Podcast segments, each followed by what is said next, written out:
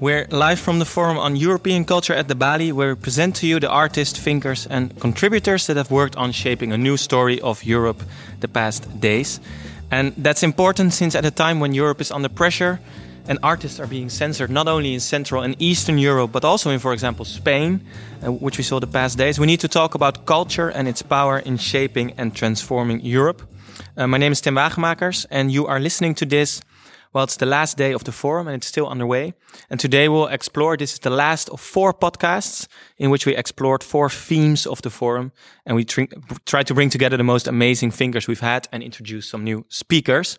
In the first session, we talked about artistic space in Europe. In the second podcast, we talked about uh, the, the, the political structure of Europe. And in the previous hour, we've talked about Europe and what it means to have Europe as a home to various people.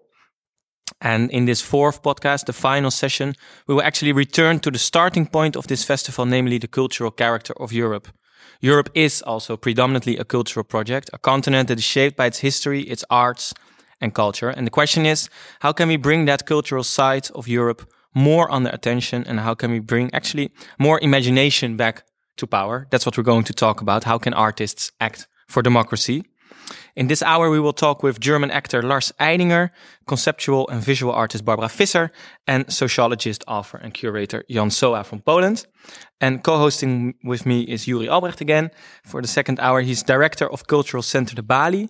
He's the curator of the forum we're now podcasting from. But he also wrote an introduction to a book that's being presented uh, this forum, the An Independent Mind, a collection of new and old essays about Europe.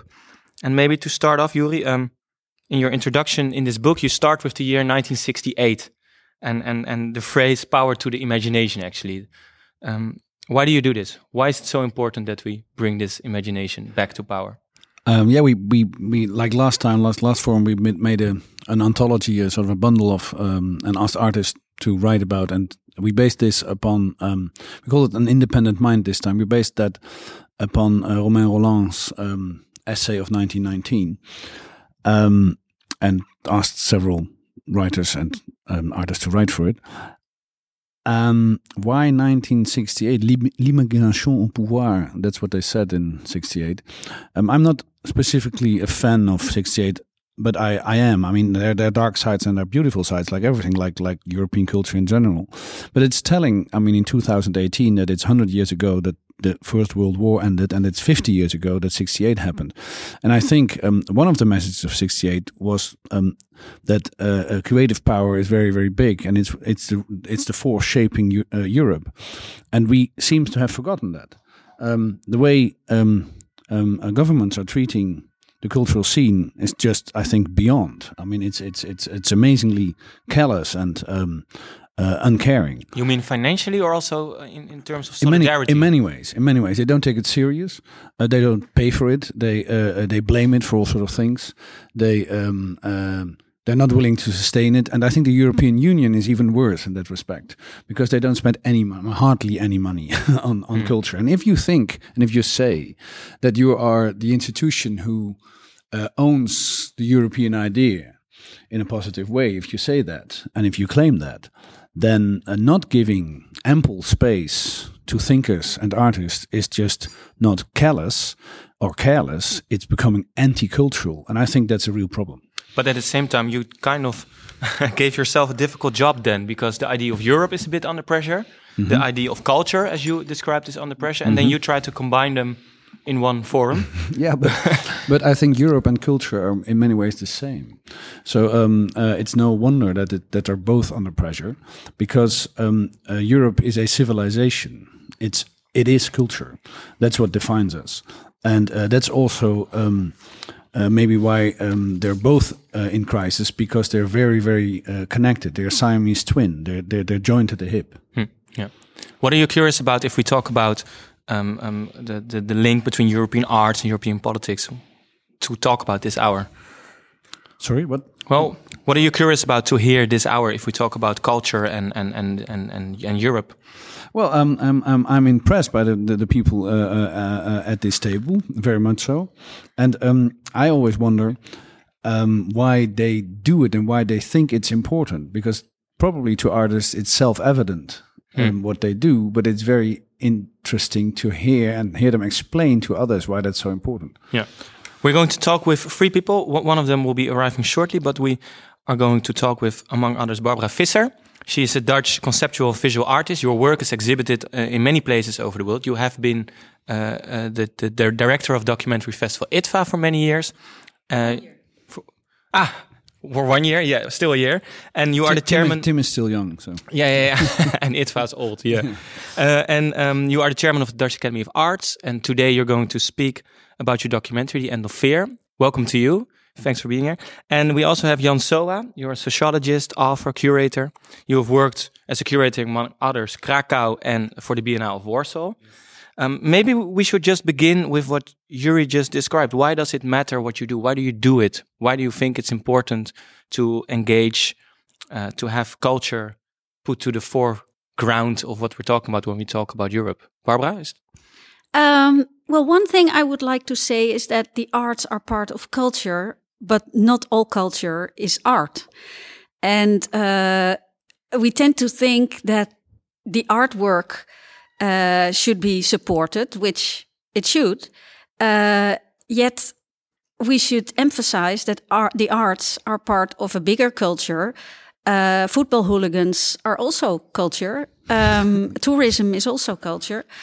Um, so I think that we should try to convince perhaps everyone uh, that the arts are one of the main things uh, that democracy is based on. Uh, and it's also allowing uh, the artists to have messages that you do not understand yet or you don't like yet. Uh, just as artists allow sports to be subsidized, although I don't like sports at all, uh, in no way. Uh, but I think it's important that it exists and that we support it. Yeah. So uh, arts and culture, it's often used uh, mixed. When we say culture, sometimes we mean the visual arts. Yeah. So uh, uh, that's that's a bit of um, confusion, I think. But at the same time, you place quite a burden on the arts because you say it's so fundamental to democracy. So then there's quite a lot at stake when we talk about art right? Yeah, there is a lot at stake. What's at stake? We can't deny that. Um, I think it's about the power of the individual voice um, to allow dissonant voices.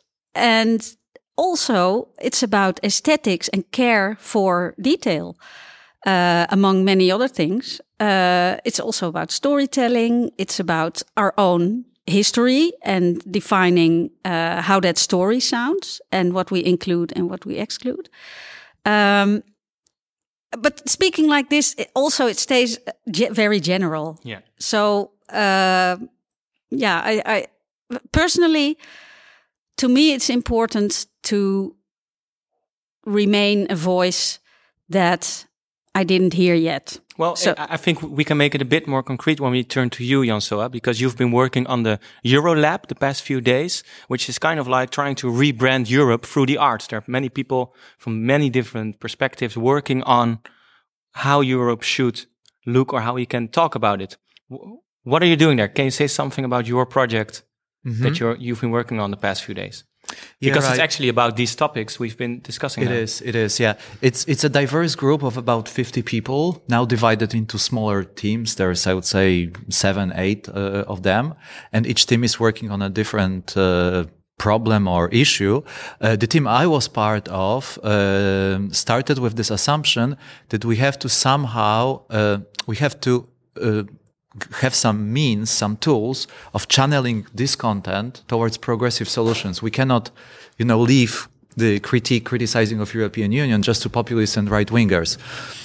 So uh, we, we, we need to coin these uh, uh, messages and, and, and critical tools that would allow us to articulate uh, what is wrong with the uh, EU and to have it attached to some progressive project, not a regressive one of destroying it, but of reshaping it, right? Yeah. So to make it concrete, we worked on uh, uh, a possible speech by Angela Merkel, where she would admit all the bad things in German policies towards the EU that are actually destroying the, the EU. She would apologize for, for them and she would lay a kind of a broad vision of how Europe might uh, work as a truly democratic and and inclusive uh, uh, structure. So this would allow, because you know the uh, sentiment, anti-German sentiment, is an important part of populist anti-European mm-hmm. mobilization. So this would allow us to to get this sentiment and to put it elsewhere. Then you know, let's build build our strong nation against uh, this this identity clash, nationalistic uh, direction. Yeah. Um, I would also like to welcome Lars Eidinger, uh, who just joined us. I, I, think just at the right time because we started talking about Germany. So um, uh, it's really nice you're here. You're a German actor. Uh, you've performed in uh, the renowned theater company Berliner Schaubühne. Um, you also starred in multiple films, and you recently starred in the TV series Babylon Berlin about the Weimar Republic in Germany. And yesterday you were talking in a debate we had in the concert hall called Wir schaffen das, where you played some texts and also engaged in conversation about uh, what it means to have a German identity, for example. And we're already a bit touching upon that um, because we're trying to discuss how culture or arts and the distinction between that can contribute to the European story and what we tell of what Europe is. Um, when you were there yesterday and you were talking about German identity, I heard that you felt the urge to say something from the first row because and, and it was about your German identity. Can you maybe take us to that moment what we were what you were talking about there? Because I think it says something about what we're talking about now. Yeah, hopefully. I, I mean, the, the, subject was um, whether culture can be a bridge between different nationalities, and um, the theory was that it doesn't work anymore. So that people are coming to Germany not because of cultural reasons and that Germany is more popular for its economic strength. And I mean, I'm an actor. So in a way, I live in a bubble, but my experience is completely different. So I have the feeling that when we started traveling with our theater, I'm part of a company called the Schaubühne uh, since 20 years. When we start traveling, uh, for example, to France 20 years ago, whenever you said you're from Germany, people had extremely prejudices and they said, um, okay, you're a Nazi or whatever. So, and it was difficult to get in contact with them. And nowadays it looks completely different. And that has something to do with culture. That has something to do with music. Um, a lot of people come to Berlin to listen to music. Uh, the the German electronic music um, culture is very strong, uh, has a big influence on Europe, maybe on, on the whole world. And I know that all the other nations like Sweden, like um, Italy, like France, they really envy us because of our uh, um, companies. They don't have this uh, um, concept or the English. They they envy us because they they think that German theater companies. You mean? Yes, theater companies, yeah. and especially in theater, um, there are a lot of people thinking that that we are really advanced um, compared to other nations. And what does that say you about the power of culture? That that because you first of all you get in contact over culture. So we travel a lot with Shakespeare, and my experience was, and this is in a way something good and bad that um, you never travel to a place where people say this kind of conflicts we don't have them anymore. We managed to solve them. So this is in a in a way frustrating because you always deal with the same subjects and they seem to be imminent. So it's it seems to be impossible possible to solve this kind of problems. I, was very happy with your intervention yesterday in the debate um, about um, Europe, European culture and the role German culture plays in it, or should play in it, or um, um how um, that maybe in in many ways um, German culture should also be uh, self-aware again about its power and about its possibilities instead of being only wary about it. and I think I totally agree with you that um, uh, Germany um, turned around in my lifetime. I think we're sort of, sort of maybe the same age. Turned around from being the the ugly one in the family to being and to being a, a very interesting country again. And I think that's for a large part because of the cultural scene in Berlin. the rest of Europe suddenly thinks, "Hey, Berlin is the place to be. It's, the place to go to. It's the place to live to." And you hear that from artists and filmmakers and um, uh, many sort of people. So you're right. I think that um, turning uh, uh, um, a country around um, goes to a large extent through culture. I think. But but then at the same time we have. I mean, you described it with Germany what happened huh? and and how this this perception changed. But in your country, in Poland, maybe that's what's at stake right now, right? Maybe the opposite. story- Maybe the opposite Yeah. is happening. So so how do you listen to that? The role of what culture can play in transforming a country, maybe.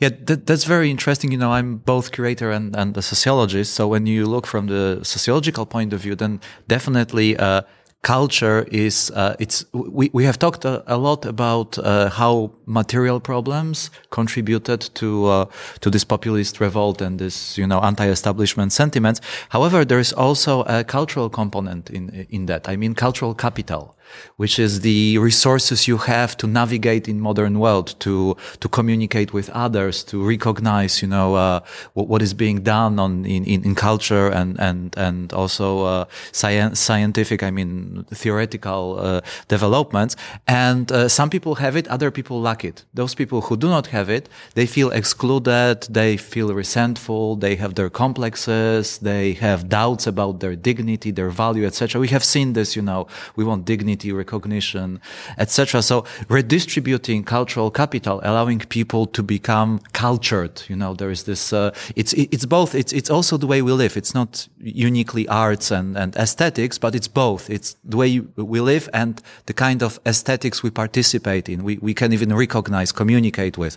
So this is extremely important for creating an inclusive community, inclusive society that people would feel that they have means to uh, uh, to uh, recognize and to practice contemporary culture. Are you wor- worried about that right now in Poland?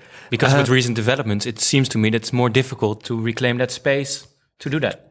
Uh, I am. I'm not worried about criticism that there is. I'm worried about the fact that uh, no uh, critical, progressive, uh, promising alternatives are on the horizon. That all that is captured by people who have just these regressive uh, ideas and uh, and dangerous ideas. So uh, we are definitely in a moment of uh, reshaping uh, Yeah. uh, our societies in the in the East. We'll see what uh, comes out of it. Unfortunately, it falls at the moment when Western societies are rather closing themselves, not opening. So it's a kind of a unfortunate, you know, dynamic between the East and the West. It's not the way it used to be in the in the 90s, where the West was, you know, the the the the, the beacon of openness and and and tolerance, etc. So uh, the East tried to to follow to, to catch up. Now it's you know really looking at the Western countries is difficult to look up with oh, and you know looking at the UK and uh, and uh, I don't know Italy, uh, Austria, etc. So we we are in a sort of a different moment now. Barbara Visser, because um, Lars actually gave us an example of how uh, perception has changed in 30 years, maybe through culture. I think uh, Jan sh showed us just how things are at stake right now and how art and culture can then, or maybe needs to play a role to counter uh, the closing in and, and the inward look. Um, but in the Netherlands, um, it sometimes I get the feeling that we have such difficulty explaining art or culture to many people because there's maybe less at stake or because we're doing so fine culturally and politically. Um, would you It's agree a- with that? I agree with that. It's a luxury problem. It's also uh, it has to do with edu- education.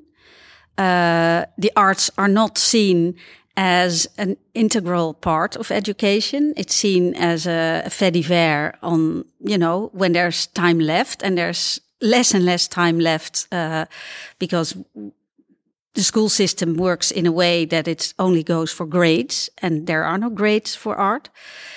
Um, I think uh, there's a lot of fear. Um, the end of fear. Uh, it's not about the Dutch art world, but uh, I think once you are in a in a situation uh, of wealth, there's also reason to have to be fearful of uh, losing that. Um, the film is about a very particular subject, uh, about a 1966 painting, Who's Afraid of Red, Yellow and Blue. Um, Your film, The End of Fear. Yeah. my film that will be playing this afternoon. Yeah. Uh, and that shows that an art, one artwork, uh, is a kind of prism for uh, a lot of agendas. So it's also about the interest of people. Uh, and yeah, it, it turns out that people always need uh, a reason.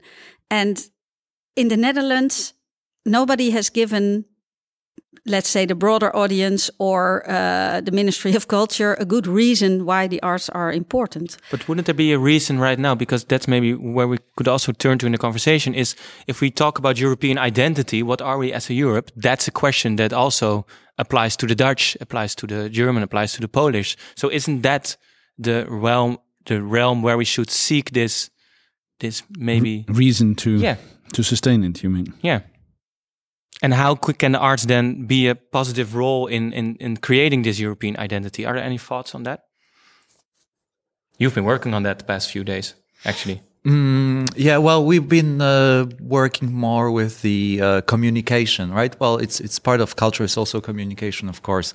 Um, I, I, I think, well, relating to the question of fear, because I, I, this is a very interesting. Uh, fear is part of the discontent that people have right now. Fear, disgust, uh, uh, remorse, resentment, etc., etc. Uh, culture ideally it's not just entertainment it's also something that helps us navigate the world make sense of our experience lets us understand complex relations uh, uh, especially i think visual and performative arts are great at that that you know you can uh, visually or in a performative way you can show communicate something that is very complex that requires you know uh, a lot of theory otherwise and it, it allows people to get in touch also with their own existence. So i i, I think that culture should have it has it, it, should have it more, this function of precisely making sense of the world, helping people navigate uh, in it, including how to deal with your fear, with your discontent, with your uh, resentment that are in many respects uh, understandable. it's just how we express it and how we work with it. This is the, the, the problem. Yeah. Well, yeah. one of the reasons that I think Europe does not really uh, make sense to many people is that it's a very abstract concept. So I think communication is also framing it. And I, I wonder, isn't there like a very big, good uh, communication company that came Could up brand with? it. Well, it's if you if you want to explain why people should like it, that uh, it's it's a construct that is beneficial to everyone, um, that's a message that you have to shape Yeah. in one way or the other. and let people express their criticism also about it in cultural uh, in cultured way that's th- this is also uh, uh, at stake uh. But it's also about responsibility, um, maybe Lars, because what do you portray? And I, I've read that you were always quite critical of the way that in German films, for example, uh, German history was portrayed, and that you'd specifically choose to reflect on that, and that as an actor you have a shared responsibility uh, in in in what you do and how you do it. Do you feel that in all your work that you've been doing, that is uh, contributing to a so, sort of shared European culture? Because you've been traveling all over Europe to play your performances. Or is that too much to ask of an actor? No, no, I was just uh, thinking about the first part of your question. Um, I mean, the, the role of Germany in Europe is kind of specific, I think. And it's what I criticize is the way um, Germans deal with their own history. And I don't like most of the historical movies dealing with this subject because it's very dangerous, I think, to illustrate this period because um, movies or film always seduces you, seduces uh, you to make you feel that you witnessed it. And uh, as as much as I read about this time, it's I think it's impossible to to find the right images for it. And when you see movies, uh, actors playing in concentration camps and things like this, that's suddenly it, it becomes something very banal.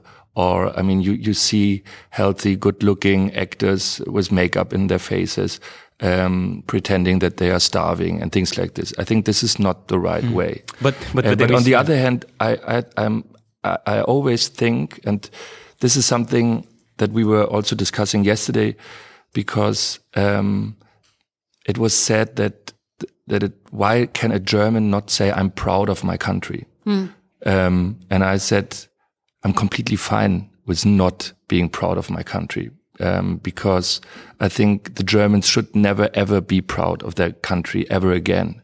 Um, and I had a big discussion uh, with my family because they were complaining that the Germans didn't sing the hymn in the the national team, and I. I I, I still don't get why we have the same music. I mean, they changed the, the lines, the lyrics, but we still have the same you music. cringe when you hear it. I, I cannot hear it. I cannot stand up and sing it. I mean, uh, it would be good if the Germans just uh, shut their mouths for two months, uh, two minutes, Yeah. uh, when they are standing in the stadium. And I, I think this is something we have to face, um, and how related we are to this kind of, let's call it guilt. And people always say, but you are a new generation. But I grew up with my father being educated by my grandfather, um, killing in the in the Second World War. How can I say that it has nothing to do with me? And this is something I think we have to face. And as open as we are to this, um, the more we can pretend or um, we we can uh, uh, manage that it that it, it it's not happening again. So it's it's not about for, forgetting this time. It's not about getting um, deal dealing with it. So it's more like a for me. It's always like an open wound, and we have to. Uh, it's it's it's not about healing this wound. But it struck me that you said that the images that are in many films are not enough to tell the story of what happened. It's too banal. It's it's it's too superficial. But at the same time, Europe was built on the promise of peace. Eh, It was built on the fact that we as countries don't fight with each other. But at the same time, you say that we lack the images to convey that message in a good way because you can't be the good witness to what happened. You can't really feel what was happening there. That sounds to me like a huge problem because how can you then work on the European project if we lack the images that founded us? Yeah, my experience is um, that there are a lot of people coming from other countries um, joining our theater company, watching the plays. I went to Sweden, to Malmö a week ago, and I met by coincidence an actor um, on on the street, and he invited me to to have a drink with his um, acting colleagues, and they said that what we are doing in the theater changed their lives. And I said, what, what, do you mean? Like, because it was so extra, extraordinary or what? No, no, the, the deal, the subjects we were dealing with.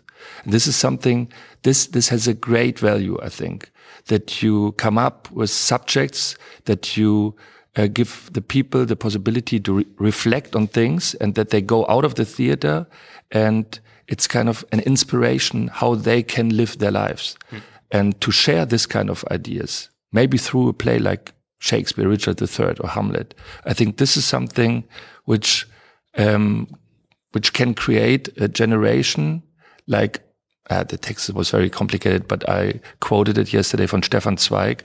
He wrote it in 1932, and he had the idea to to to have a new generation uh, which is peacefully living and um, without hatred and things like. that. I think um, through through through theater, for example, or culture, um, that could work. Yeah. That's actually why we selected in the book uh, Zweig's and Romain Rolland's um, uh, essay. And I think um, what Barbara was saying, you know, why can't we explain it at more? Um, why, why can't we explain it more? I think the the the whole problem, of course, is not a problem of branding. It's a deeper, much, much deeper problem. It's a problem that for, and we think we are in a crisis in Europe, but look around us. I mean, we are not in a crisis. Ukraine is in a crisis. Syria is in a crisis. Turkey is in a crisis.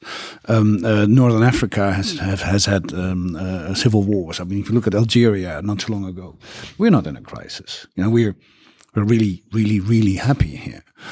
But we think we're in a crisis, and I think it's not to do with rebranding. It has to do with what you said about you know people being inspired by what you do as an artist. Um, we have been cutting out cultural education in our schools for way too long. We don't belong. We do, like like like you said, you know, art is a way to make sense of the world around you. And since we're secular all, all over Europe, we have a much deeper problem than a rebranding problem. We have a problem where Europe has been shaped by politicians and public servants and bankers and economists where are the artists? Where, where, where's the art? Where's the culture? Because Europe is a civilization. So it's much deeper than rebranding. It has to do with exactly what you say, by giving people uh, um, uh, a, a, a, tool to be inspired in their lives. Yeah. And I think it's, it's, it's, it, I think that's why, um, uh, we choose Romain Rolland and his good buddy Stefan Zweig to be included in it because it because it's it's and that's I think why it's such a shame that the European project is not doing that because it's it's it's it's it's what it gives uh, content. Yeah. Uh, you mentioned secularism, and I think it really is a crucial point of uh, reference. Uh, somebody once remarked that the only way to uh, get rid of something is to replace it. And this is precisely the problem of religion in Eastern uh, Europe and in more traditional societies that, you know, it's easy to criticize. And even many people from popular classes are anti-clerical in terms they do not like priests being in elevated positions in society, etc. However, they are still part of this religious uh, uh, practice precisely because there is nothing to uh, replace it. And I think culture has got a, a possibility because it's a senseful, sense generating field, right? Just yeah. like uh, yeah. religion. It's also a certain community of belonging and also a certain practice, right? We, we, we, we practice culture in terms of going to a theater, exactly. talking about books, uh, uh, creating, I don't know, going to a, a, an opening or, or something like this of an exhibition. So this is, this is precisely what may replace religion as a, as a sense generating and community creating activity. And, and it's an antidote against discontent and fear. Mm -hmm. So it's I think I think that's um, uh, one of the reasons I think why um, we at this table and uh, many other tables have the have the the duty I have, I, would like to say to to convey to the rest of the of the society that it's not a fringe, like Barbara said uh, um, uh, uh, earlier in this in this hour. Mm -hmm. It's not the fringe; it's the center of what makes the continent and our countries happen and function. Do you feel that duty, Barbara? Yes, very much so. Um, we had. Uh, uh, Rutte One, which is uh, for many artists uh, the first cabinet of a Rutte, black yeah. uh, black period. black period, uh, and it it was not so much the budget cuts themselves, uh, because it's you know you always find a way.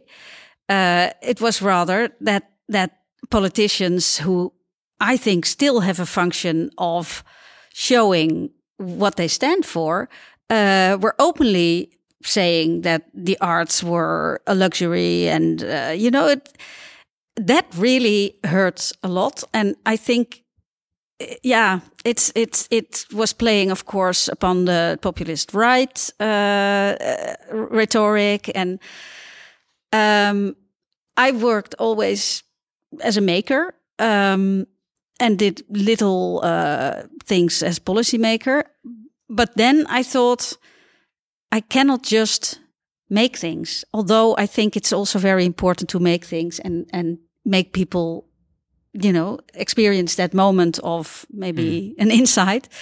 Uh, but I wanted to be closer to politics to see how how does this happen and how do these people like that get in get their jobs what did you literally. see what did you see because you said i came to see so then what, what was your um, observation? Well, I I talked, for instance, to the Minister of Culture uh, who came after him, uh, who is a social democrat and uh, was was really uh, had has her heart in the in the right place. Uh, and she said, "You have to give me arguments that the extreme right or or the liberals understand." Uh, because she already was with us, but she said, I want to sell it to them. So it's it's also you place yourself in the shoes of people who are against it, which is also very, But very what- dangerous. What, does uh, that say position. of politics? I mean, isn't politics also portraying your vision and yeah, standing because well, it sounds but like the lack of vision uh, is is also uh, the crisis in, in Yeah. Dutch politics, which is uh, well, we had a prime minister who said uh, vision is blurring my v- Yeah. my v- my view. My view. but, but also, Jan Sowa, I heard when I read about you, you said somewhere we need to put the sublime back in politics. Isn't that also to do with this? Very much. Well, the, the, the art is the uh, the zone, the sphere of the sublime. So it's very much uh, that. And also, when you think about the relationship between politics, professional politics, like what you mentioned, and cultural sphere, uh, Ulrike Guérot was also a guest of of the forum, and uh, also uh, Yeah, she did her in the second hour, precisely yes. Uh, so. I was working on the same group with uh, her in the in, in Eurolab, and then we exchanged like you know we talked about our experience, etc. And then she said, uh, uh, "I used to talk mainly in theaters because everybody thought that my ideas were crazy and that art and culture this is the place for it. Now I'm talking with the president of Austria." No. And this, uh, yeah, and this I think shows that precisely the uh, uh, art culture is a zone of imagination where we can work with concepts, we can experiment, and this is very, very needed. We need to produce new ideas that can somehow help us uh, uh, move on. And there is no better context of forging it and working with it than the cultural institution. So this trajectory from theater to to president of Austria, uh, that's this is a kind of it shows Yes, the potential. the- this president uh, apparently is is open to that. I remember going to The Hague, where the politicians are, with the imagination and with the the power, and thinking the sublime should should come back. Uh, and I I returned home with an incredible headache because I realized that they are pragmatic and you cannot deny that there's also a very pragmatic side to politics and and trying to get a country uh, Yeah. keep it keep it going.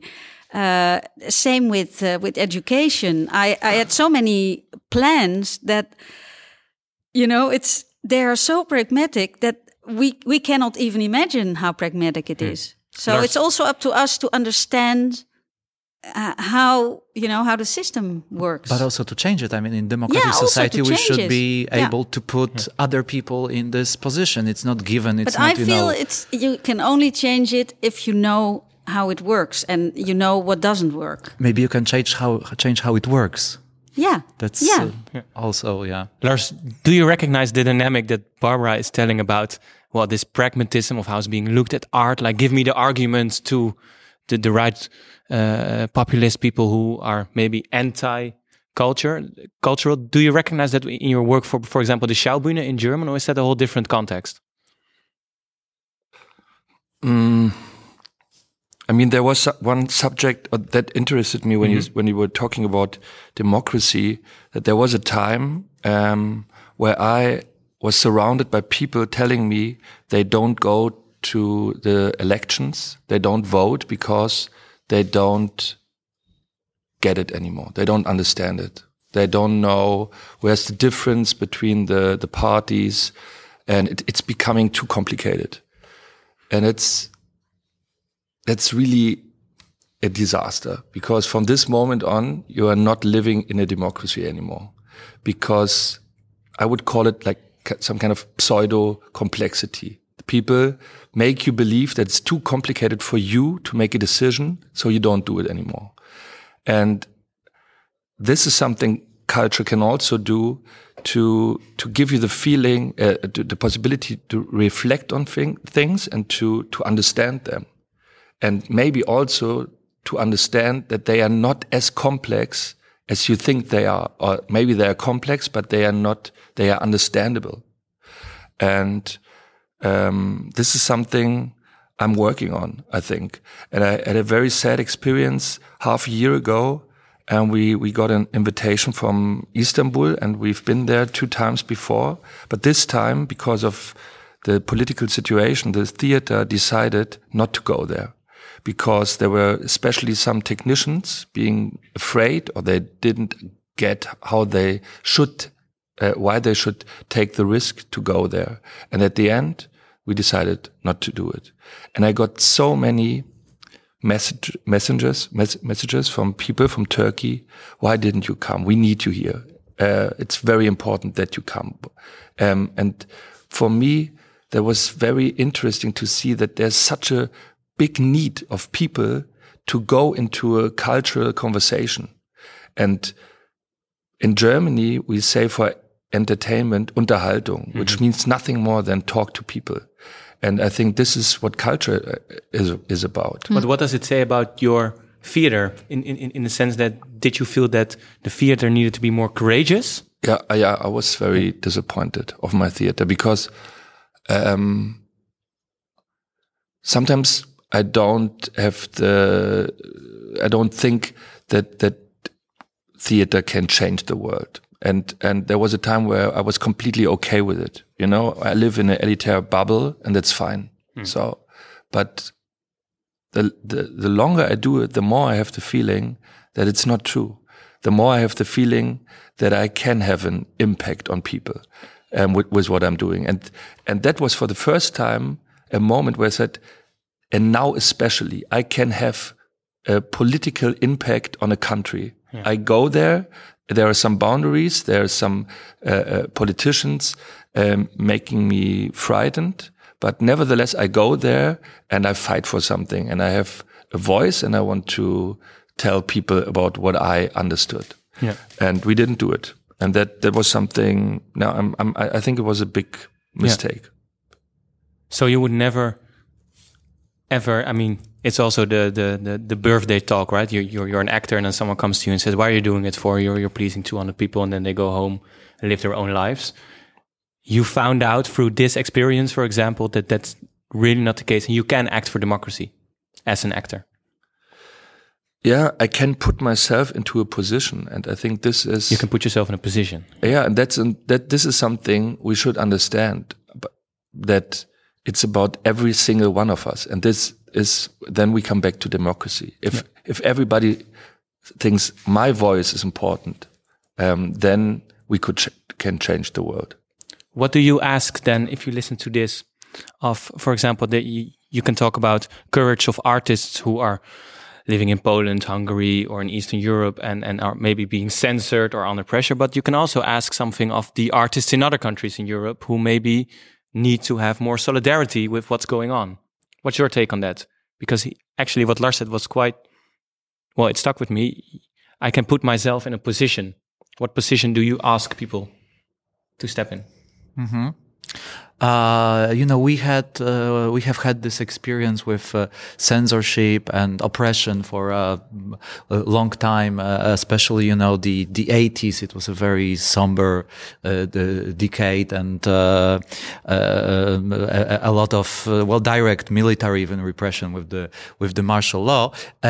ironically, Polish art and culture uh, came out of, of it of the 80s into a sort of a désintéressement with uh, politics and society. They concentrated on private individual experience, you know, body, gender, uh, uh, uh aging, uh, all this kind of very intimate existential registers.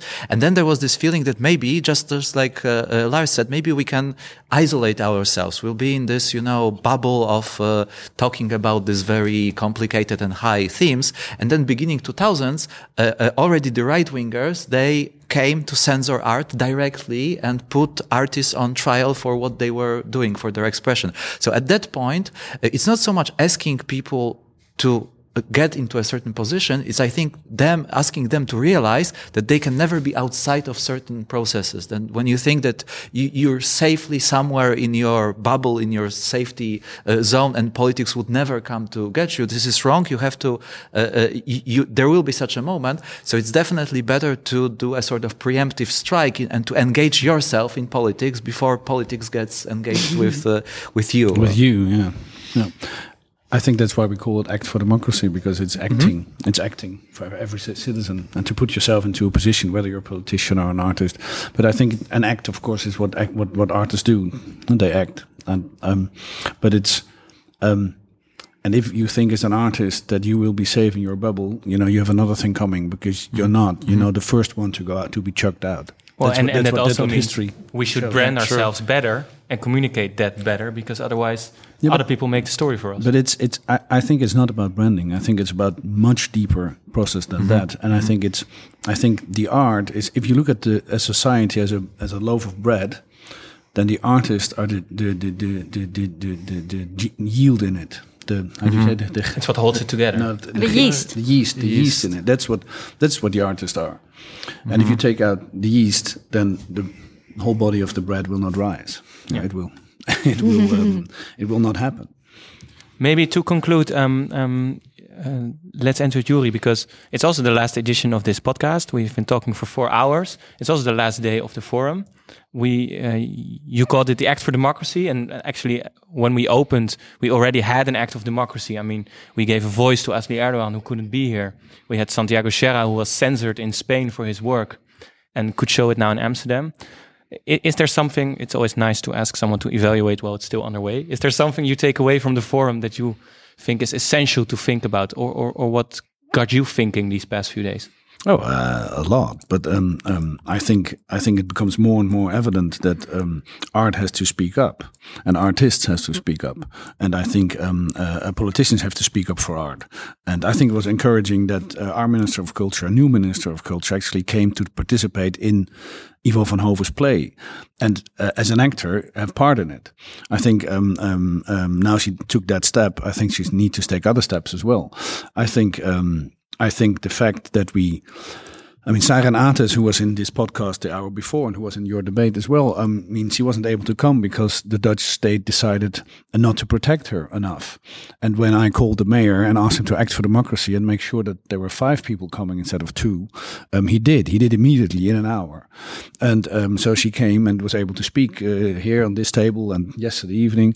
And I think, um, I think also um, if you, if you look at Wolfgang Tillmans and um, uh, and um, Rem Koolhaas, um, um, how they worked, I mean, literally the whole day for four days uh, to get something off the ground um, to convey to Europe. I think, and I think I was very encouraged by the fact that the representatives of the union who were there at the opening were offended by the fact that we um, had Santiago Sierra there and that we asked uh, the union to act on on art and culture.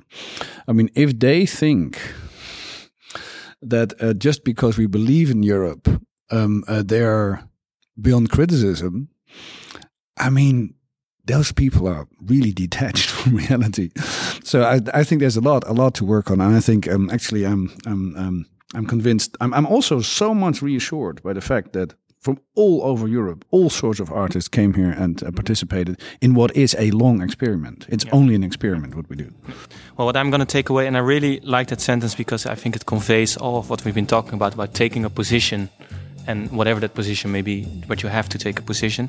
Um, I'd like to thank you so much, all three Lars Eidinger, Barbara Visser, Jan Sowa. Um, this is the last edition of the four podcasts. Um, I hope you enjoyed it. For people who only listen to this one, you can listen the other ones back. And um, well, my name is Tim Wagemakers. Thank you so much, and I hope you enjoyed it. Um, thanks. Thank you.